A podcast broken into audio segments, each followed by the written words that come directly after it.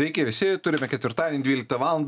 ir ekonominiai pietus laidą vedu aš, Marius Dubnikas, ekonomistas ir šiandien su manim artimas man profesijai, turbūt labai artimas, tai yra Aleksandras Isgorodinas iš banko Citadelė, ekonomistas, kuris e, taip pat kalba apie prognozes, apie ateitį ir panašius dalykus. Ir kalbėsime labai plačiai apie profesiją, apie ekonomiką, apie tai, kas vyksta ir kas mūsų laukia. Tai ačiū tau, Aleksandrai, kad atvykai. Ačiū, Mariu, ir jeigu galima, aš pradėsiu nuo komplimento. E, yra pakankamai nelengva atsidurti kitoj kaip čia sakyt barikadų pusėje ir iš ekonomikos eksperto tapti ir geru uh, pašnekovu, ne, vat, ir, ir, ir, ir daryti laidas. Ir man labai patinka tavo laidos, vat, ekonominiai pietus. Aš, kaip ir minėjau prieš laidą, pakankamai dažnai girdžiu jas per žinių radiją ir sakyčiau, kad tau labai gerai sekasi derinti ir ekonomikos eksperto ir vat, tą galbūt kitą labiau žurnalistinę pusę. Ačiū, tai nesitikėjau šito. Bet e, grįžtam prie analitiko. E, šita laida yra apie, apie žmonės. Mes dažnai kalbame apie tai profesijas, apie tai, kaip žmonės e, ateina iki jų ir panašiai. Ir pas, mus, pas mus jau buvo žinių radijų daug, daug analitikų, daug finansistų, daug įvairių kitų profesijų. Bet pats apibūdinam citadelėje. Analitiko darbas. Kas tai yra? Jis susideda iš iš karto kelių aspektų. Pirma, tai yra vidinė analitika tai yra vidinių duomenų analiza analitika reguliarūs makro komentarai kolegoms reguliarios makro prezentacijos kolegoms kurios dengia ir pasaulio ekonomiką ir lietuvos ekonomiką ir įvairių sektorių situaciją. Tai yra pagalba kolegoms su vidiniais duomenim. Bet čia pertrauksiu. Kolegoms tai yra reiškias ne kolegoms mes plačiąja prasme vadiname, netgi konkurentus kartais vadiname kolegoms, bet e, kolegoms tai reiškia viduj Taip, vidiniai žmonės, kuriems yra svarbu vienaip ar kitaip sekti makro tendencijas e, ir kurie daro, sprendžiant iš šitų tendencijų, tam tikrus e, sprendimus. Tai yra žiūri sektorių perspektyvas, daro galbūt sprendimus dėl verslo plėtros, dėl fokusų į atskirus e, sektorius. Tai kitas labai svarbus aspektas, ką aš darau, bent jau mano darbe, tai yra prezentacijos banko klientams. Tai jau yra įmonės. Mes darome tiek reguliarius verslo pusryčius, tiek ir apskaitai prezentacijos pavienės, asmeninės prezentacijos įmonių vadovams. Ir čia aš sakyčiau yra ta svarbioji pusė, kurios visuomenė dažnai nemato. Nes man asmeniškai atrodo, kad kalbant apie analitiko darbą, jis dažnai yra stigmatizuojamas, kad tai yra iš esmės na, nuomonės formuotojų ir, ir, ir PR žmonės.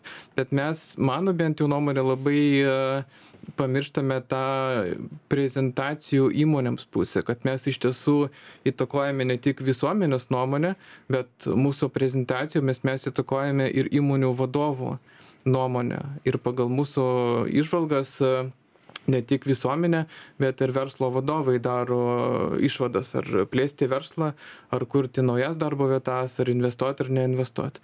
Na ir aišku, paskutinė dalis e, tikriausiai tą jau visi žinome, tai yra ekonominiai komentarai spaudoje ir postai socialiniuose tinkluose, tai yra makro domenų viešinimas. Tai aš pasi, pa, pasuksiu kitą pusę.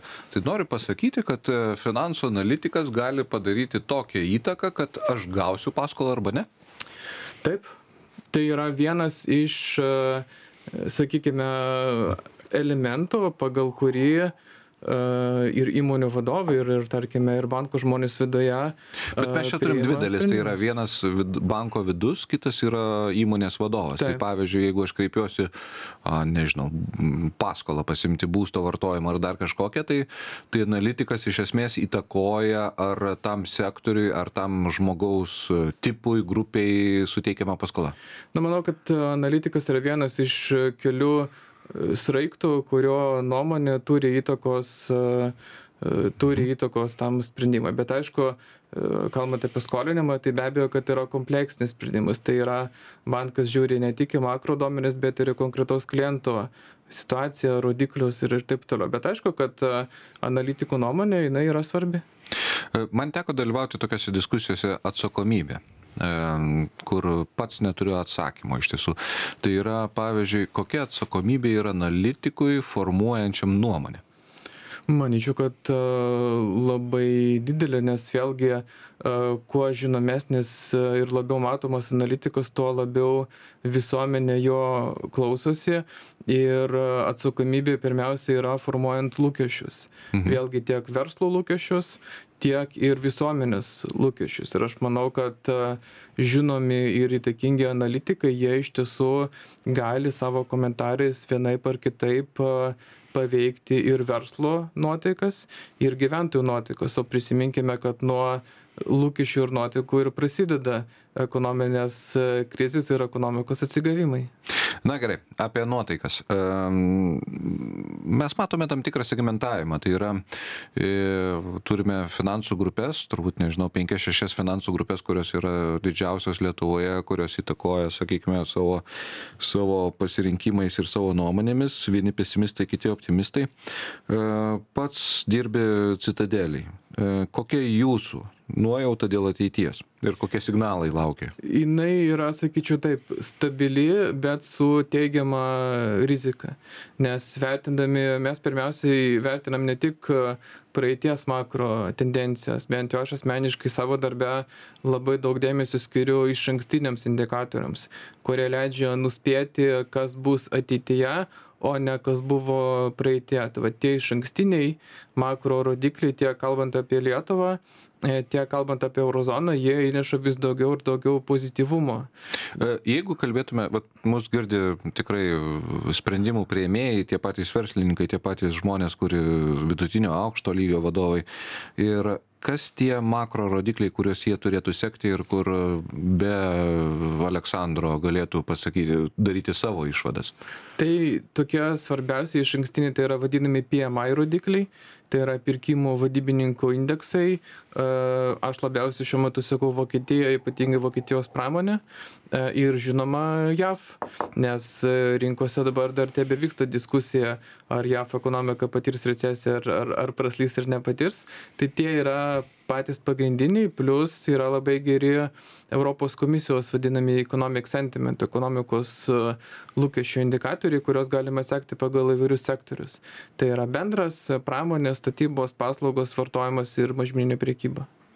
Jeigu pažiūrėtume tos skirtingus sektorius, e, jie aktualūs ir Lietuvoje, ta prasme mes matome skirtingas e, tendencijas ir matome e, skirtingas nuotaikas, nes kai kurie, ten tikriausiai kokia baldų pramonė yra gyvena recesijoje ir jau ganėtinai ilgą laiko tarpą. Kiti IT sektorius turbūt apskritai jaučia tik tai palengvėjimą iš paties rodiklių, vat, pagal sektorių, jeigu paskaidžius. Na, aš sakyčiau, kad e, yra vis daugiau gerų naujienų pramonėje, e, tiek kalbant apie faktinę gamybą, tiek ir kalbant apie iš ankstinius indikatorius. Pavyzdžiui, kas mane labiausiai džiugina, kad gruodį Lietuvos pramonės nuotaikos bendros buvo didžiausias per 17 mėnesių, o atsargų lygis pramonėje buvo mažiausias per 12 mėnesių. Ir jis tapo neigiamas, kas reiškia, kad iš tų pramonės įmonių, e, kurias apklausė Europos komisija, Lietuvoje didesnė dalis gamintojų sako, kad atsargų lygis jau yra nepakankamas, negu ta dalis, kurios sako, kad atsargų lygis yra per didelis. Kas reiškia, kad tikėtina, kad dėl Vokietijos pramonės stabilizavimuose, apie kurį tikriausiai dar pakalbėsime, panašu, kad jau Lietuvos gamintojai gauna šiek tiek daugiau naujų užsakymų ir tai yra labai pozityvu. Vokietijos stabilizavimasis, ką tai reiškia? Tai reiškia, kad uh, na stabilizuotis galima kažkur tai ties kažkuriuo tai lygiu. Tai yra geru lygiu blogu lygiu ar tai yra jau na vėl gyvename postkariniame lygyje kažkokiam prieškariniame lygyje atsiprašau bet aš gal kitaip pasakysiu mes dabar gyvename palūkanų piko lygyje palūkanų skausmo piko lygyje. Nes e, iš karto keli indikatoriai rodo kad tikriausiai tas palūkanų skausmo pikas yra praeityje tai kalbant apie vokietiją e, gruodį vokietijos bendras ekonomikos aktyvumas buvo didžiausias per šešis mėnesius bet jisai stabilizuojasi nuo labai žemo lygio. Tai tikriausiai dar nėra pagrindo kalbėti apie vokietijos ekonomikos augimą. Jeigu tai vyks tai tai vyks nuo šių metų antro ketvirčio ir jisai tikėtina bus labai laipsniškas. Bet kas yra pozityvu kad lyginant su rudens pradžia iš karto keliuose sektoriuose matosi pagyvėjimo ženklai. Tai yra pramonė kur mažėja atsargų lygis kas yra labai pozityvu tai yra statybų sektorius tai yra paslaugų sektorius ir vartotojai. Tarkime vokietijos vartotojų ketinimai pirkti stambesnes prekes gruodį buvo didžiausi per paskutinius dvidešimt paskutinį dvidešim vieną mėnesį. Tai vat vis daugiau ir daugiau signalų iš karto keliuose sektoriuose rodo kad vokietijos ekonomika iš nedidelės recesijos pereina į stagnaciją Mhm. Turime klausimą iš auditorijos, tai tik tai priminsiu, kad a, jeigu turite klausimų, juos galima užduoti per žinių radio programėlę, laida vyksta gyvai ir taip pratursinsime savo, savo laidą. Tai klausytojas, kuris pastoviai užduoda klausimus per mano laidą, tai sako, ar sekdavote nausėdos analizės SEB bankė ir kuo jos buvo įdomios?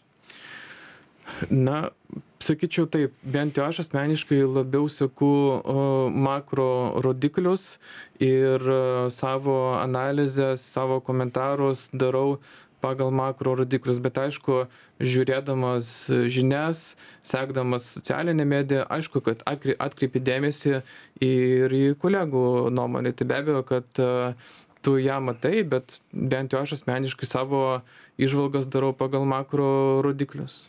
Gerai, šioje vietoje turime padaryti pertrauką, laida ekonominiai pietus, laida vedu aš, ekonomistas Marius Dubnikos ir šiandien su manim kitas ekonomistas Aleksandras Izgorodinas, banko citadelė atstovas, su kuriuo kalbamės apie Vokietiją, Lietuvą ir ekonominės perspektyvas. Greito susiklausimo.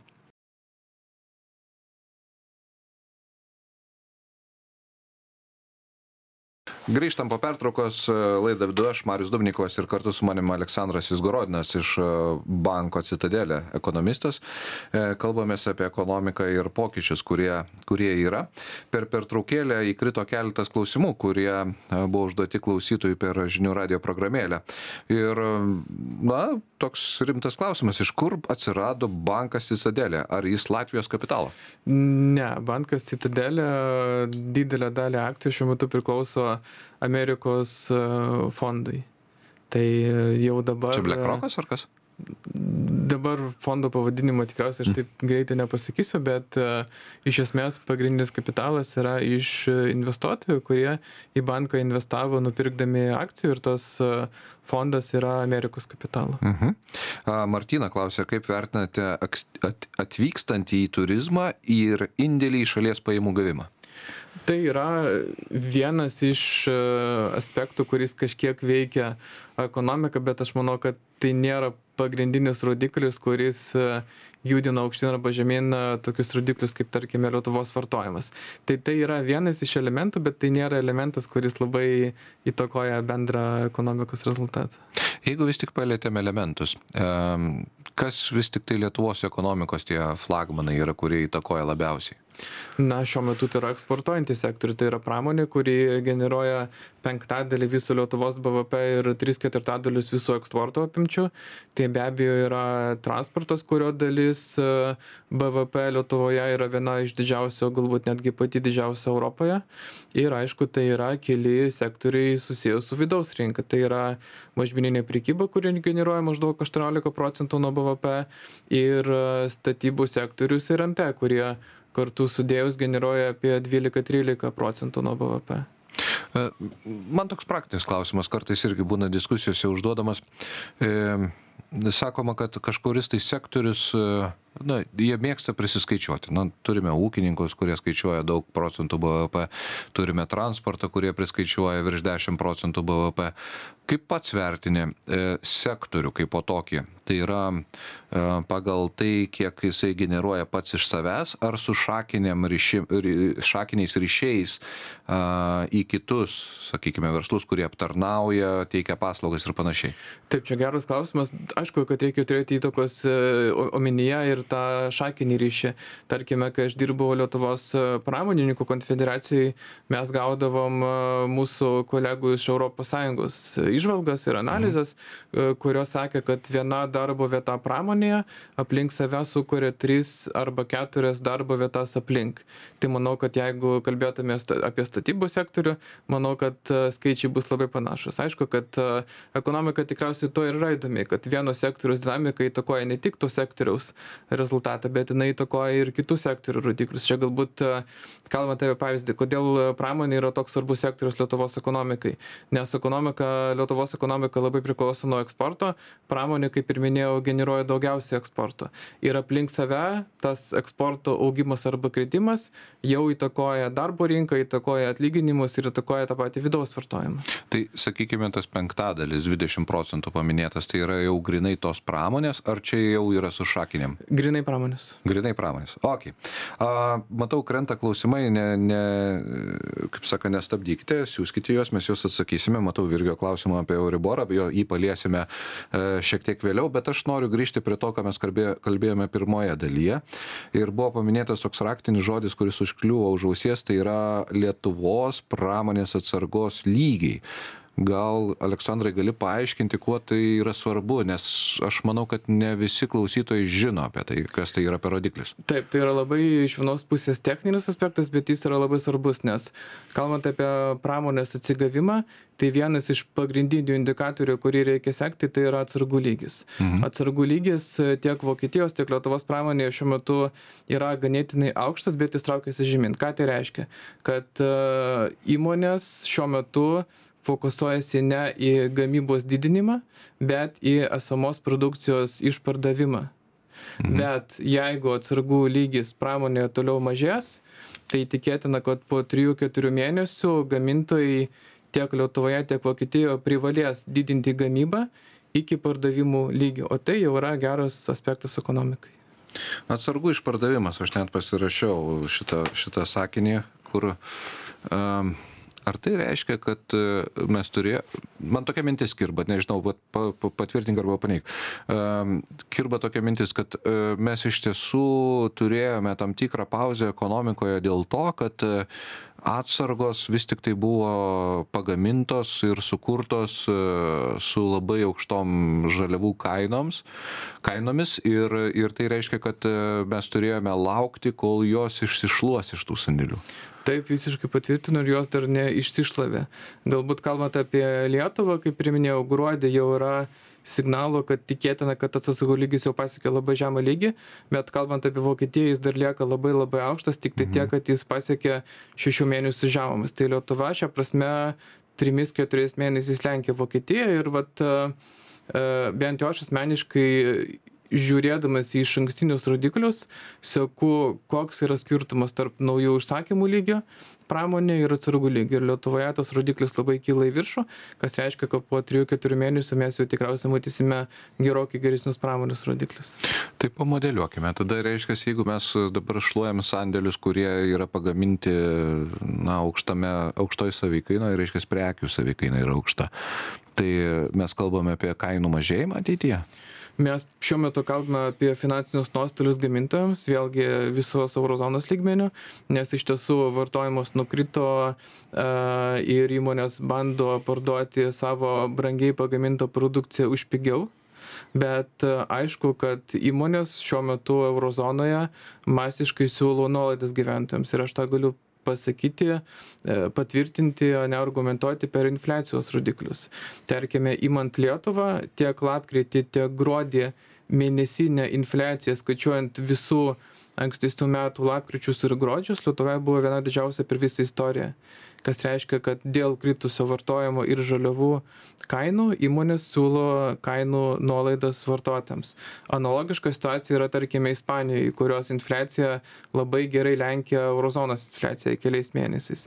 Tai akivaizdu kad įmonės fokusuojasi dabar į kainų mažinimą dėl kritusio vartojimo Ar gali būti tos kainos stabilizuotis būtent tų nuolaidų lygyje? Ta prasme, kad tas kritimas, na, kritimas tai toksai tarsi skamba kaip trumpalaikis procesas, bet tai ir tai gali įsivyrauti, kad mes gyvensime žemesnių kainų lygyje. Manau, kad žiūrint į iš ankstinius rodiklius, jos tikriausiai dar turėtų pakristi, nes pavasarį manyčiau, kad turi eurozonoje kristi dujų kaina, dėl to, kad pramonė nors ir po truputėlį mm. stabilizuojasi, bet gamyba dar krenta ir dėl to, kad eurozona ir europos sąjunga šį šildymo sezoną pabaigs su labai aukštom aukštų dujų saugyklų lygių. Tai manyčiau kad yra pagrindo kalbėt apie dujų atitinkamai elektros kainos kritimą nuo pavasario. Ir aišku kitas aspektas yra kiti išankstiniai indikatoriai. Na tarkime vokietijos pramonės produkcijos kainos šiuo metu yra maždaug aštuoniais procentais mažesnis negu prieš metus. Tai tas rodiklis vėlgi keliais mėnesiais lenkia bendrą infliaciją euro zonoje kas reiškia kad tikėtina kad ta bendra metinė infliacija euro zonoje toliau turėtų lėtėt Gerai, šioje vietoje turime padaryti pertrauką. Laida ekonominiai pietus, laida aš, e, ekonomistas Marius Dubnikos ir šiandien su manim kitas ekonomistas Aleksandras Isgorodinas iš banko Citadelė. Kalbamės apie ekonomiką, indikatorius, kuriuos jūs galite patys sekti. Ir e, po pertraukos kalbėsime apie svarbiausius dalykus, apie palūkanas ir panašius dalykus. Iki susiklausimo.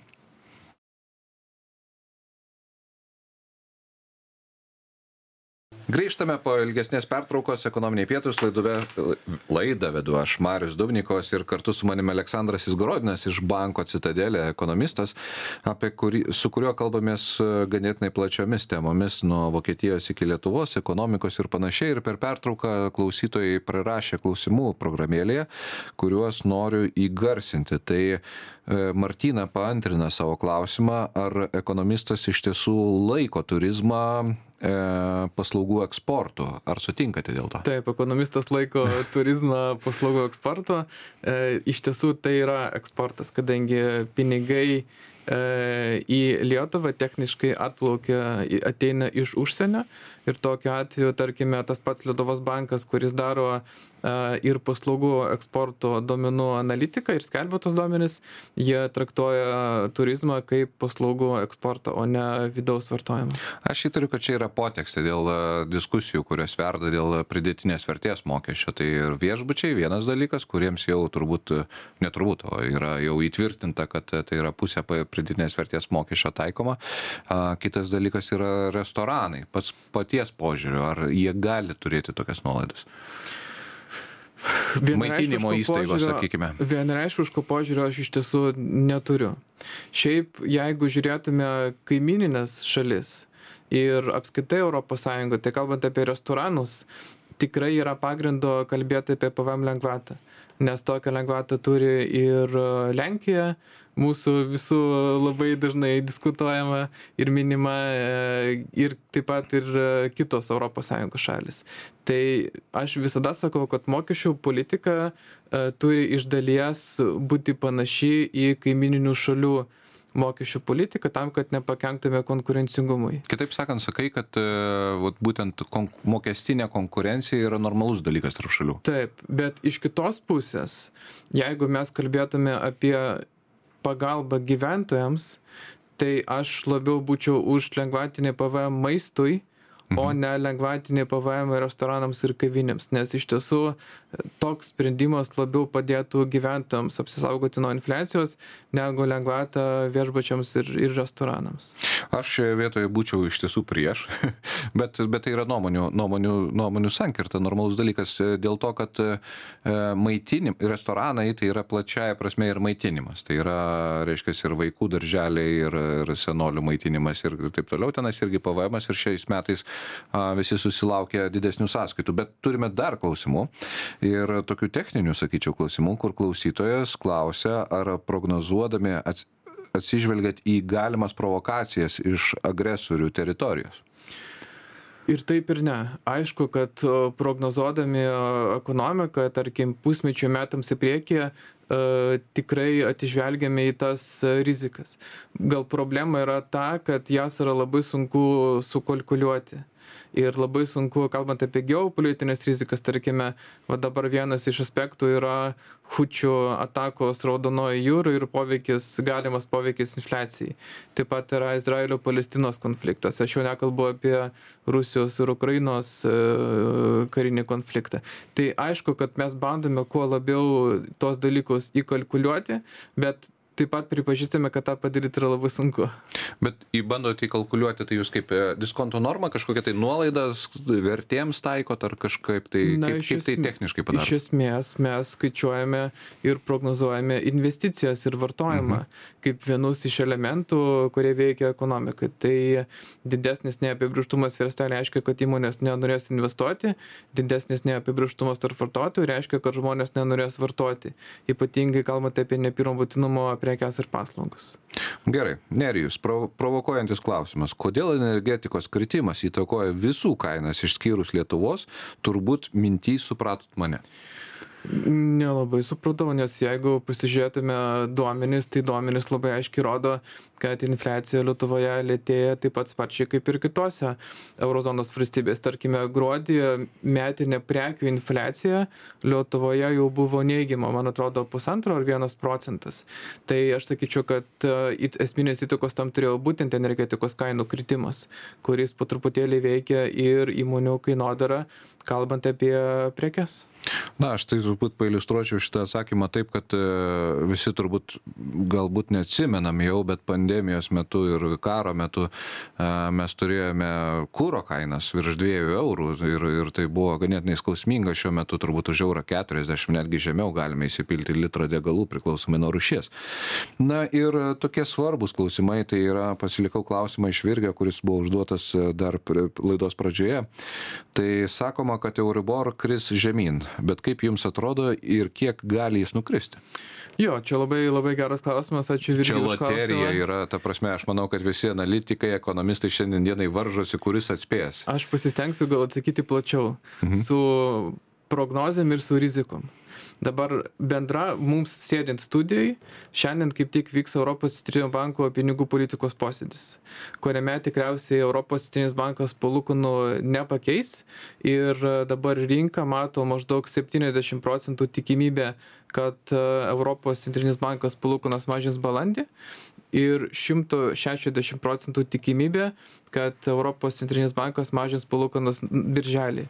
Iš viso rinka mato iki šių metų pabaigos maždaug 5 ar 6 karpimus iš Europos centrinio banko pusės, pradedant nuo birželio mėnesio. Tai va šitie dalykai, aišku, įtakos ir Euriborą. Dabar jeigu grubiai Euriboras šešių mėnesių šiuo metu šiek tiek e, žemesnis negu 4 procentai, tai dabartinės rinkos prognozijos yra tokios, kad šių metų gruodį jisai sieks apie 2,5 procentų.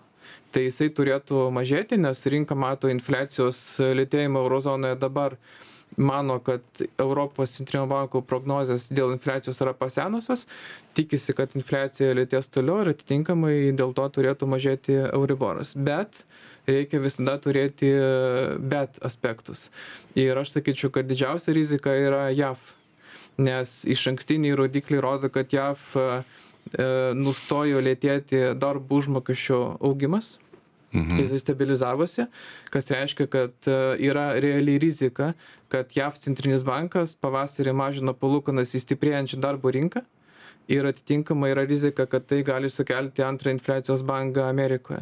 Tokiu atveju Europos centrinis bankas e, sunkiai galės sumažinti palūkanas penkis kartus, nes jeigu ECB palūkanas mažina, o JAV centrinis bankas nemažina, mažėja euro kursas ir spartėja infliacija eurozonoje klausimas, kurį dažnai gauna irgi. Uh, Mes dažnai tokiam, kalbamės tokiam linijom, ta prasme, ten mažina, ten didėja, ten mažina, ten didėja. Klausimas tame, ar vis tik tai, kada žmonės pajustų tą palūkanų mažėjimą, va realiai, va šiais metais gali žmonės pajusti mažėjimą? Tikėtina, kad taip, bet tai tikėtina, kad jeigu Europos centrinis bankas mažina palūkanas birželį, reiškia, kad didesnė dalis gyventojų pirminiai poveikiai pajaus rudenį.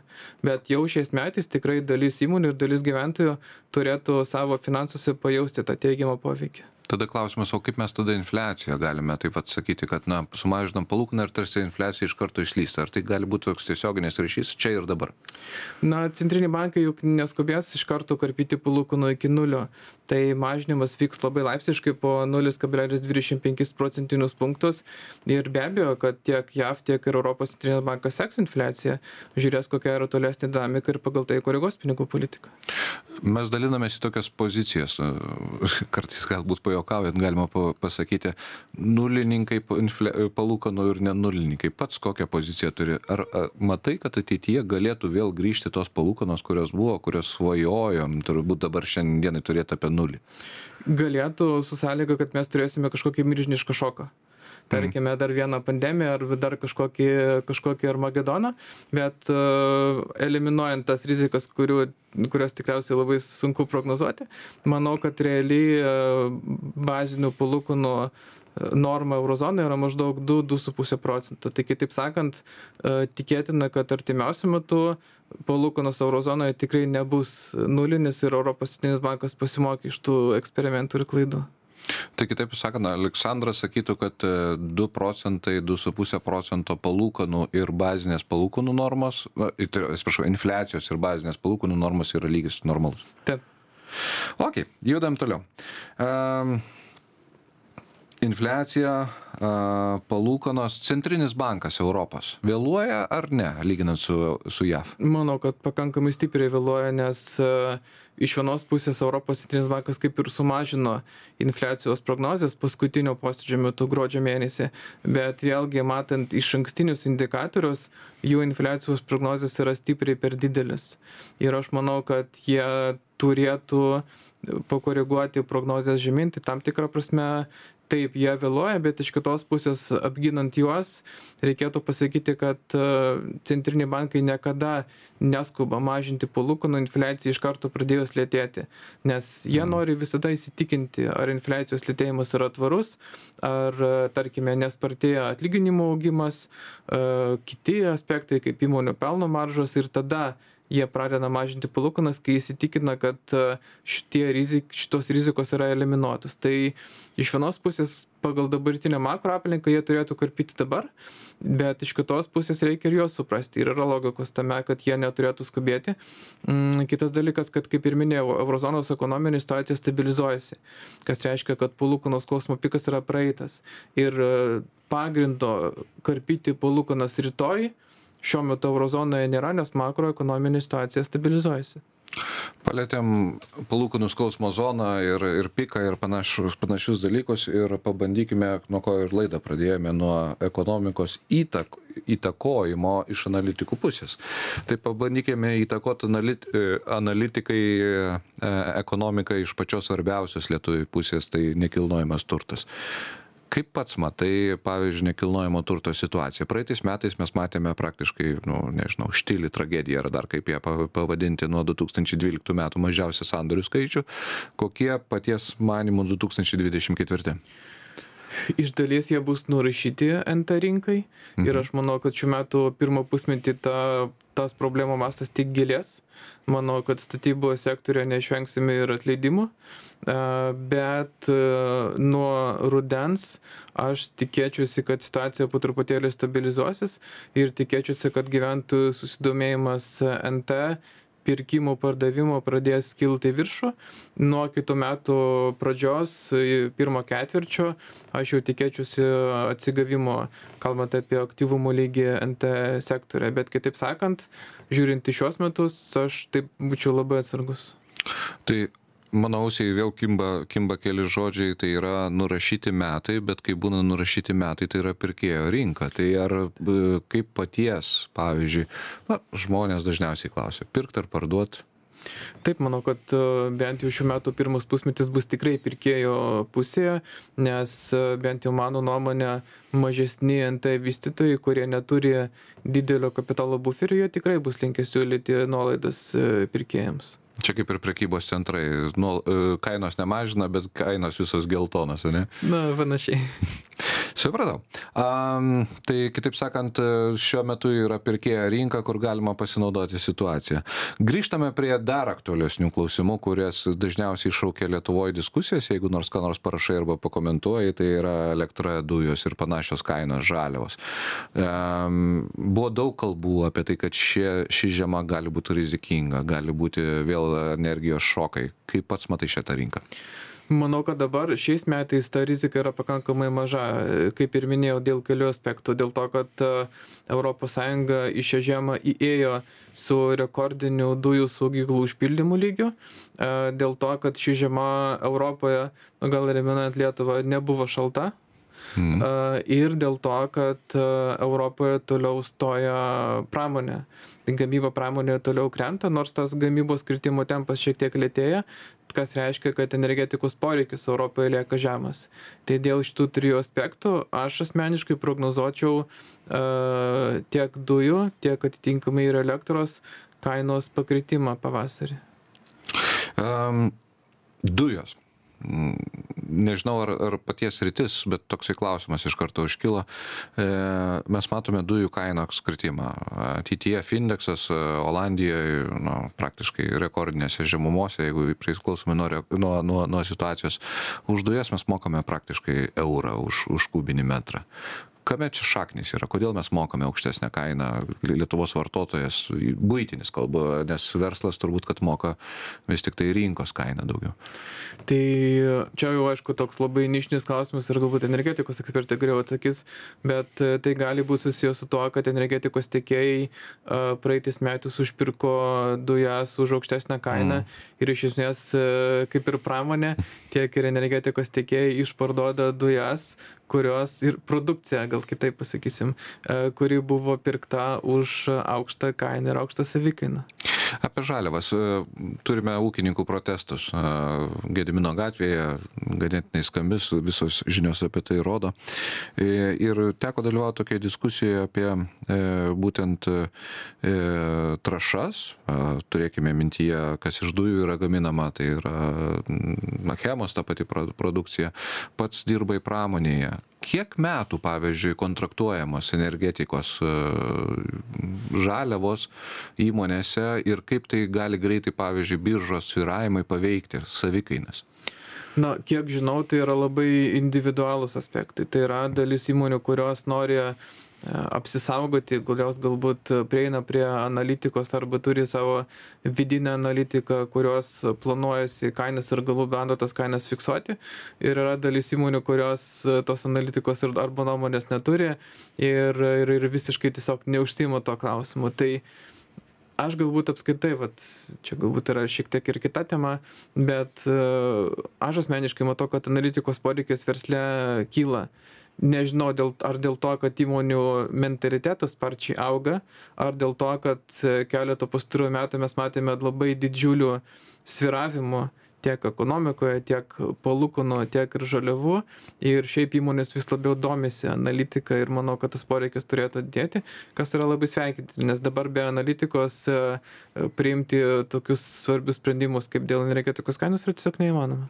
Sukonkretinsiu klausimą. Stambiosios įmonės pavyzdžiui energetinius išteklius jie kontraktuojasi arba nu sudaro sandorius ehm, metam dviem trim penkiem aš sakyčiau kad dabar būtų labai rizikinga kontraktuoti žaliavas metam dviem trim į priekį kadangi na paprastai pasakysiu rinka pati labai sutvarko kainas. Ir mes matėme du ekstremumus energetikos rinkoj tiek rekordiškai aukštas tiek rekordiškai žemas kainas. Kas reiškia kad kitaip sakant pasakysiu aš neatmesčiau tikimybės kad ir ateityje energetikos kaina europoje gali šokinėti. Ir mes dabar labai džiaugiamės kad e, TTF ir, ir dujų kaina Europoje yra labai maža, bet mano nuojauta sako, kad energetikos krizė Europoje dar nėra praeita. Ir yra įvairių rizikų, kurios ypač gali materializuotis tada, kai e, Europoje prasidės naujas ekonomikos augimo ciklas, kuris kaip tik prasidės nuo pramonės, kuri kaip tik ir yra labai didelis energetikos suvartotojas. Vis prasimuša pesimizmas tas, kurį labai nemėgstu, bet a, klausytojas toliau duoda klausimus ir a, tokį provokuoja provokuojantį klausimą užduoda, sakyčiau. Ar Kaunas taps patrauklesnis nekilnojamo turto investuotojams, nes Vilnius yra labiau pasiekiamas dronais?